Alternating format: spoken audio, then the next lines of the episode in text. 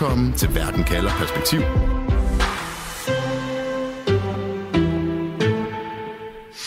Five, four, three, two, one. Engine full power.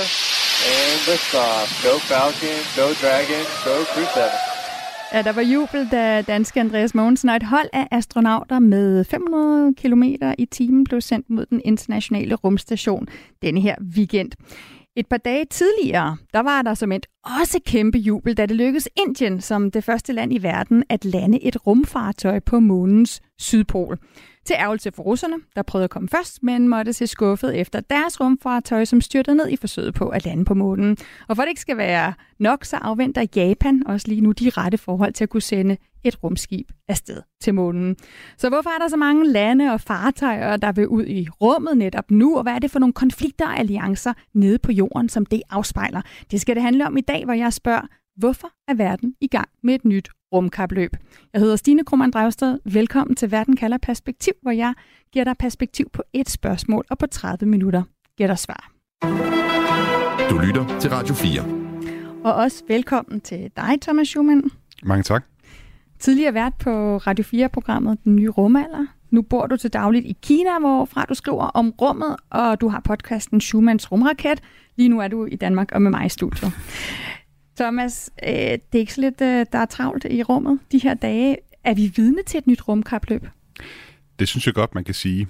Og øh, nu antyder du det også sådan her i øh, indledningen til programmet, at der er særligt et fokus på månen, og det er måske i virkeligheden der, at vi sådan for alvor ser et, øh, et rumkapløb mellem øh, stormagterne, sådan lidt ala det rumkapløb, som vi kender fra tilbage fra 60'erne og 70'erne.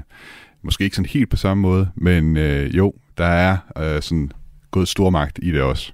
Så der er i hvert fald et månekapløb i gang. Øhm, hvem er det især som kappes, for nu nævner du stormagterne? Mm. Altså, det er øh, USA og, og Kina på, den, øh, på, på hver sin side, der ligesom øh, kappes her. Og man kan se det sådan meget godt i den tilgang, som både USA og Kina har til månen.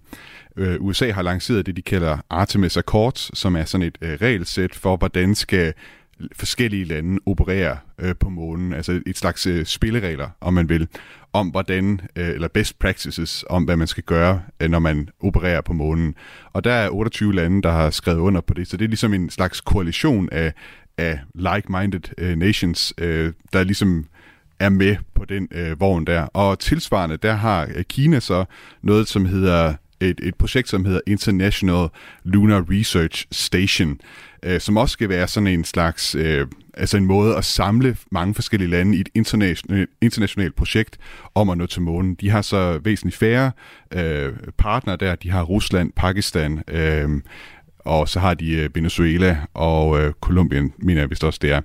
Øh, så man kan sige, det var også det, vi så under den kolde krig i virkeligheden, da vi taler om et rumkapløb der, at, at rummet, og særligt, altså måske især øh, det, når vi taler om bemandet rumfart, altså at sende mennesker til månen.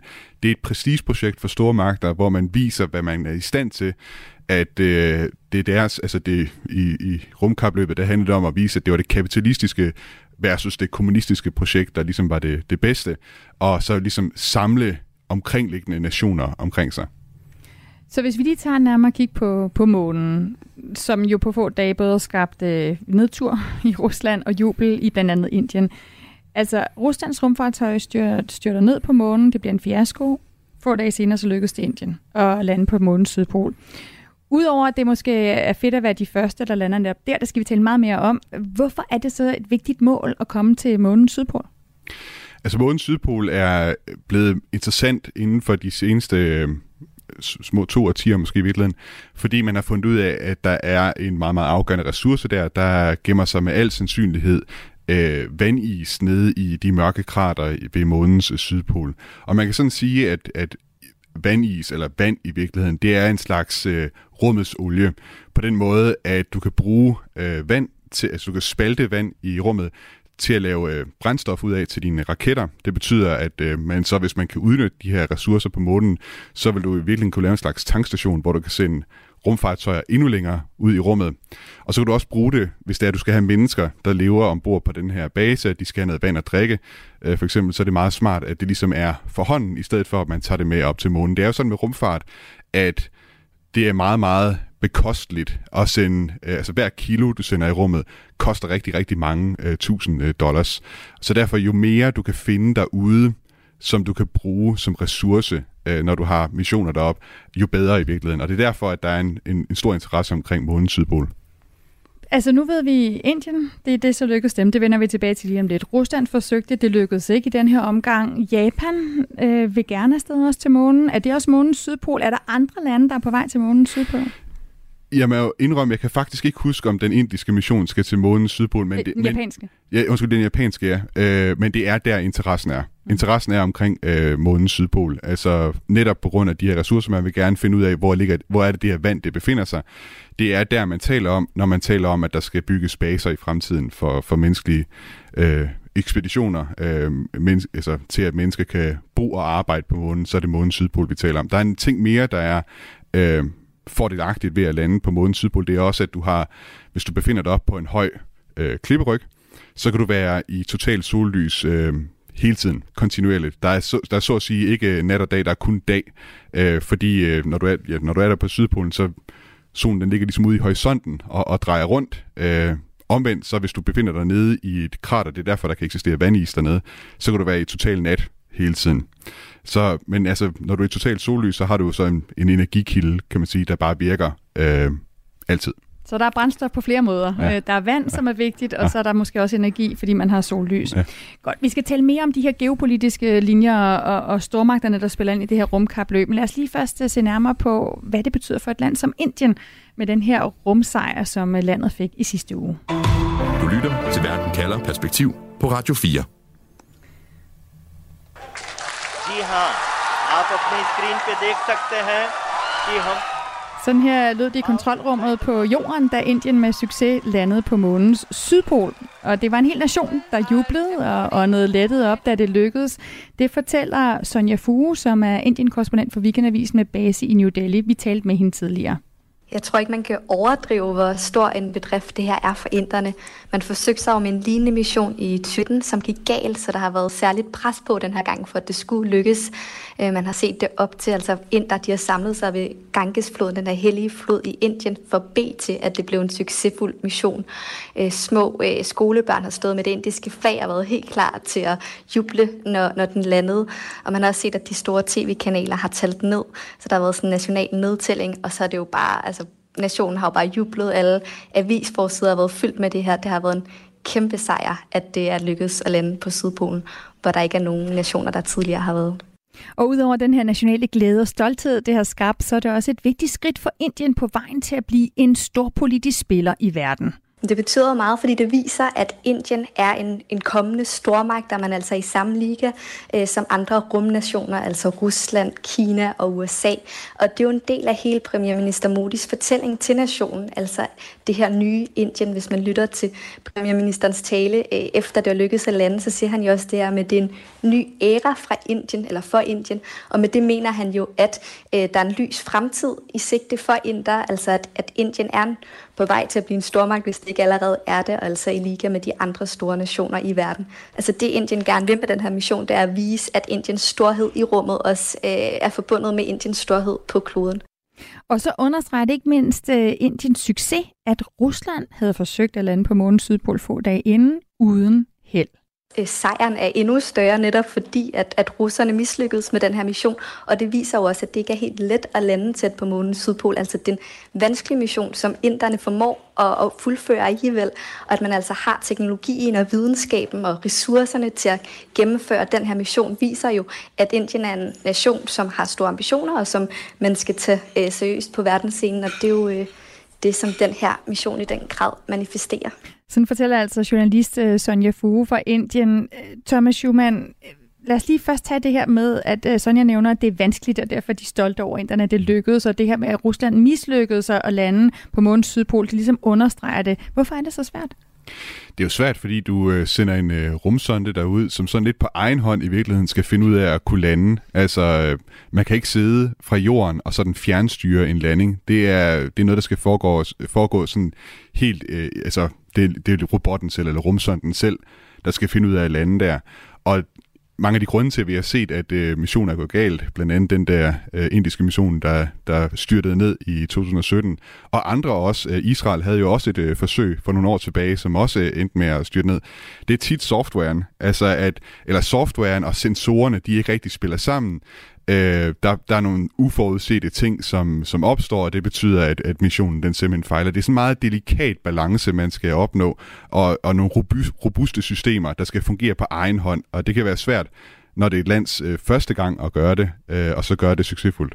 Og Indien er jo det fjerde land, der lander på månen. Før dem har USA, Rusland, Kina sat deres aftryk. Hvor overrasket er du over, at Indien er det første land, der laver den her svære, øh, men succesfuld bløde landing på, på månens sydpol?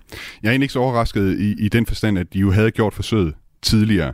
Og jeg var egentlig ret sikker på, at øh, de havde lært alle de fejl, øh, de skulle lære ved, ved det der første forsøg. Jeg vil sige, at jeg havde været lidt mere overrasket, hvis, det var, at de, hvis de ikke var lykkedes med at lande øh, på månen i den her omgang. Er du overrasket over, at det er Indien, der har gjort sig den erfaring, og der nu altså, har succes med at lande? Øh, Nej, det er ikke. Altså, når man ser på det indiske rumprogram, øh, så har de lykkedes med, med mange ting øh, igennem årene efterhånden. De har også haft, sendt en øh, mission til, til Mars, øh, blandt andet, som også er meget, meget svært. Man siger om Mars, at det er 50 procent af alle missioner, der bliver sendt derhen, som, øh, som ikke lykkes, kan man sige.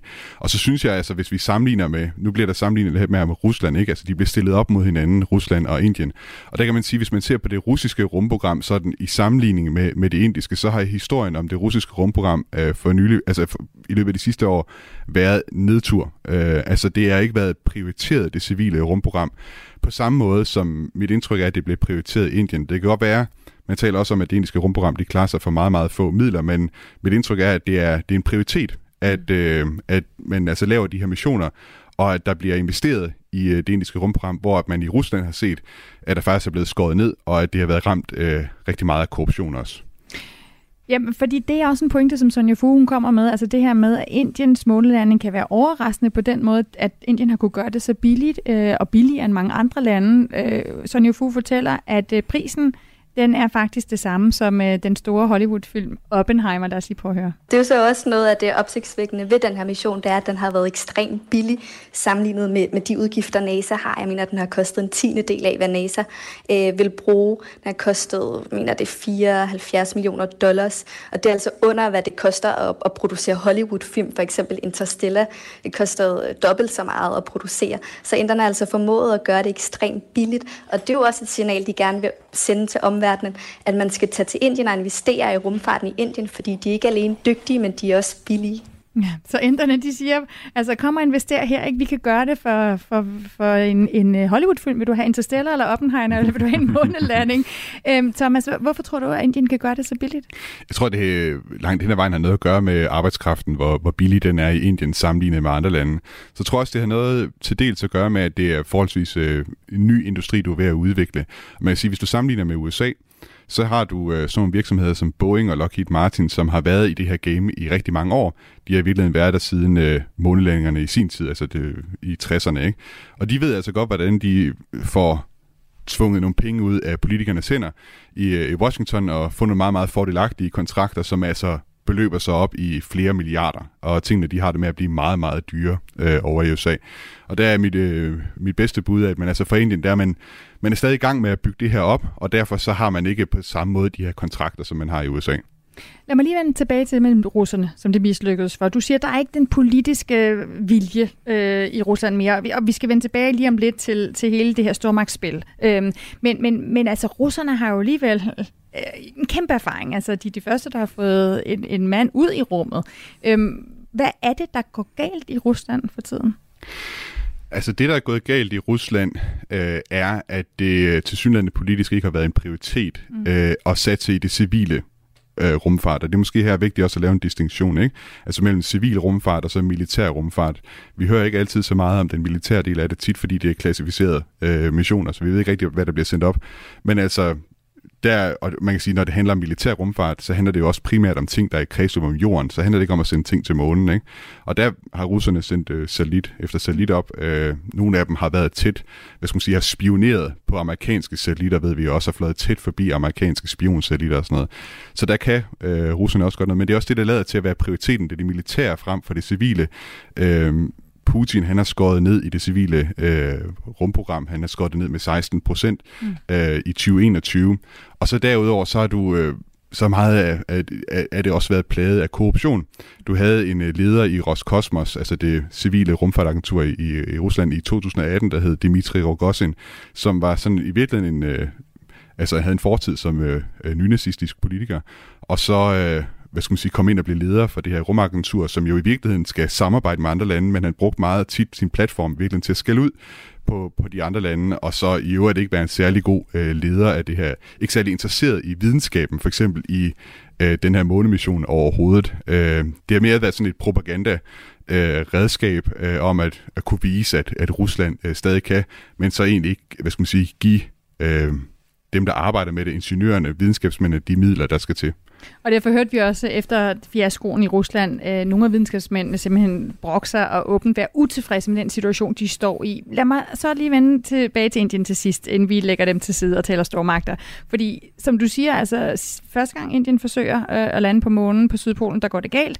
Øh, men øh, altså landingsforetaget bliver knust, men øh, man får jo altså øh, et moderfartøj i kredsløb, som viser, at der er de her store krater med is på månens sydpol nu hvor det lykkedes at, at lande, øh, og inderne så kan samle de her prøver i is, ved vi så, at de vil dele deres viden med os, hvis der er sådan et månekapløb? Det er et godt spørgsmål. Øh, jeg hørte en øh, amerikansk øh, forsker netop, ta- netop også øh, tale om, øh, om den her månelanding. Han var meget, meget hvad skal man sige, begejstret for at få fat i noget af den der data, som inderne sidder med, men han vidste ikke rigtig, hvem det var, han skulle skrive en e-mail til. øh, så det kan godt være, at der er sådan nogle lavpraktiske ting. Øh, jeg har ikke indtryk af, at inderne er sådan nogen, der nødvendigvis vil sidde og, og holde informationerne tilbage. Man kan også sige, en del af det med at være stormagt i det her, det handler også om at, at, hvad skal man sige, at vise sig stor i det, på den måde, at man kan sagtens dele de der videnskabelige øh, data. Det har ikke så meget at sige for, for en stormagt militært og det andet. Altså, der kan man godt være large og, og, og vise øh, de andre forskere, hvad det er, man har, man har fået ud af den her mission. Og vi skal holde øje med Indien øh, for månelandingen. Det er bare begyndelsen på Indiens ambitioner i rummet. Der er meget andet i støbeskeen, det fortæller Sonja Foge her. Man har øh, meget på tegnebrættet. Øh, nu er der meget fokus på månen, og det kommer Indien også til at have fokus på fremover. Så man kommer til at sende en til mission til månen inden for den næste måned øh, sammen med Japan. Øh, og derudover så vil man også gerne til Mars igen. Man har jo sendt en mission til Mars tidligere i 2014, øh, så, så man har en masse øh, ting på tegnebrættet. Man vil også gerne sende astronauter øh, ud i rummet. Det har man ikke haft endnu. Øh, så det er bestemt ikke øh, det sidste, vi hører til Indiens rumeventyr. Ikke det sidste, vi hører til Indien, fortæller Sonja Fu, altså journalist i Indien. Thomas Schumann, har Indien nogen chance for at tage føringen, når det gælder altså det her rumkapløb, der handler om at være til stede på månen? Det tror jeg ikke. Jeg tror ikke, de kan tage føringen fra USA. Uh, det tror jeg for så vidt heller ikke, hvis vi skal kigge på Kina, de kan heller. Øh, der er USA uh, meget længere fremme, og det er sådan rent teknisk, altså i forhold til det tekniske, jeg siger det. USA har jo lavet den første prøveaffyring af deres måneraket. Det er sådan typisk, når du skal sende mennesker til månen, så skal du gerne have en stor nok raket, så du ligesom kan sende kapsel og, og, og det hele ud til månen. Og der har USA lavet den første test, de er ved at gøre klar til den anden test, hvor der så rent faktisk er en besætning med øh, ud til månen. Og derudover er USA også i gang med at lave månelandingsfartøjer. Og der ser jeg slet ikke, at Indien er endnu. Altså Indien er i gang med øh, først nu at udvikle de første øh, rumskibe, der kan have mennesker med ombord, men de er slet ikke så langt, at de taler om månelandingsfartøjer øh, endnu. Og Kina er sådan, Kina kan jo godt sende mennesker i rummet, de har deres egen rumstation i kredsløb om jorden, øh, men er også stadig i udviklingsfasen af de der store raketter og, og månelandingsfartøjer. Lad os se lidt mere på, hvordan øh, alliancer og konflikter på jorden påvirker det her rumkapløb. Radio 4. Ikke så forudsigeligt. I weekenden der lander den danske astronaut Andreas Mogensen på den internationale rumstation, og der skal han være det næste halve år sammen med tre kollegaer. En amerikaner, en japaner og en russer. Og netop Rusland eller Sovjetunionen var jo i sin tid de allerførste til netop at sende et menneske ud i rummet. Thomas Schumann, russerne samarbejder med Vesten om den internationale rumstation, så har konflikten mellem Vesten og Rusland ikke smittet af på rumarbejdet her? Det er et godt spørgsmål, om de har smittet af sådan i dagligdagen op på rumstationen. Det vil de jo nok nødigt sådan tale om, at hvis de har siddet og, og, og ligefrem skændtes. Det tror jeg nu ikke, de har. Øh, men det kan godt være, at stemningen har været anderledes øh, efter Ruslands invasion af, af Ukraine op på rumstationen. Men man kan sige, at det samarbejde der, det er jo sådan et, rumstationen er jo designet sådan, at du i virkeligheden ikke kan droppe samarbejdet. Altså hvis du gerne vil have rumstationen fortsat i kredsløb om, om jorden. Fordi hvis russerne trækker sig ud af samarbejdet, så har du ikke, altså det er ligesom den russiske, de russiske moduler på rumstationen, der sørger for at holde øh, rumstationen i kredsløb. Og omvendt, hvis det er amerikanerne, der trækker sig ud, så har man ikke øh, øh, skal man sige, øh, solpaneler øh, på samme måde, eller, eller andre komponenter, som er, er vigtige for, for rumstationens overlevelse. Så det der samarbejde, det er, det er simpelthen fordi, at de er så integreret i mm. hinanden. Det er simpelthen bogstaveligt talt, kan man næsten sige, svejset sammen øh, op i rummet. Så det er svejset sammen, men ellers så siger du, at Putins interesse i rummet, den er blevet meget mere, altså mindre civilorienteret, meget mere militært orienteret, mm. og det er Kina, han kigger imod. Hvad får Putin ud af at samarbejde med Xi og kineserne om rummet? Jamen, det er en primært for ud af det, det er jo at signalere til Vesten, at her er der ligesom en øh, anden akse. Det er også mit indtryk, øh, hvad skal man sige, det hele taget sådan Putins linje, det er jo at prøve at udfordre Vesten og sige, det er ligesom ikke deres, altså det er ikke Vestens øh, måde at, at styre verden på, som skal have, have eneret, så at sige. Så ved at gå sammen med Kina, så prøver han jo at vise, at her er nogle magtfulde spillere i virkeligheden, som øh, kan udfordre og også kan opnå store ting øh, i rummet. Øh, man kan så sætte spørgsmålstegn ved, hvor interesseret kineserne er i øh, det russiske bidrag i, i det her, fordi som jeg har været inde på, så det, det russiske rumprogram øh, skrænter øh, i virkeligheden, og de ting, de flyver med, det er gamle raketter, der er udviklet tilbage i 60'erne og 70'erne. Øh, det går meget langsomt med at udvikle nye øh, komponenter, udvikle nye raketter, der skal flyve i rummet. Så øh, kineserne, altså de må måske gerne sådan sige, at Rusland er en partner, men man kan også sige, nu russerne, de var ikke i stand til at lande den der øh, månelandingsfartøj op på månen, så jeg tror ikke, det er russerne, der sådan får lov til at være øh, banerførende i det samarbejde der, eller hvis måske være, mm. være af, altså, levere de afgørende komponenter nødvendigvis. Der tror jeg, at kineserne de tager til den. Det er Kina over for USA, og for nylig der advarede chefen for NASA, Bill Nelson, også i mediet Politico, om at Kina kan sige, øh, at månen kunne være deres territorium, hvis øh, Kina slår USA i det her nye månekapløb.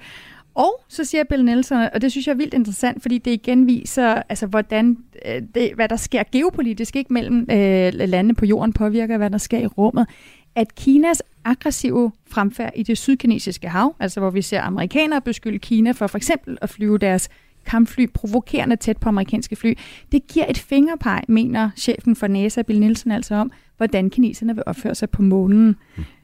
Thomas Schumann, hvis, hvis amerikanerne er bange for kineserne der, hvorfor i alverden er de så ikke de første oppe og lande på månens sydpol?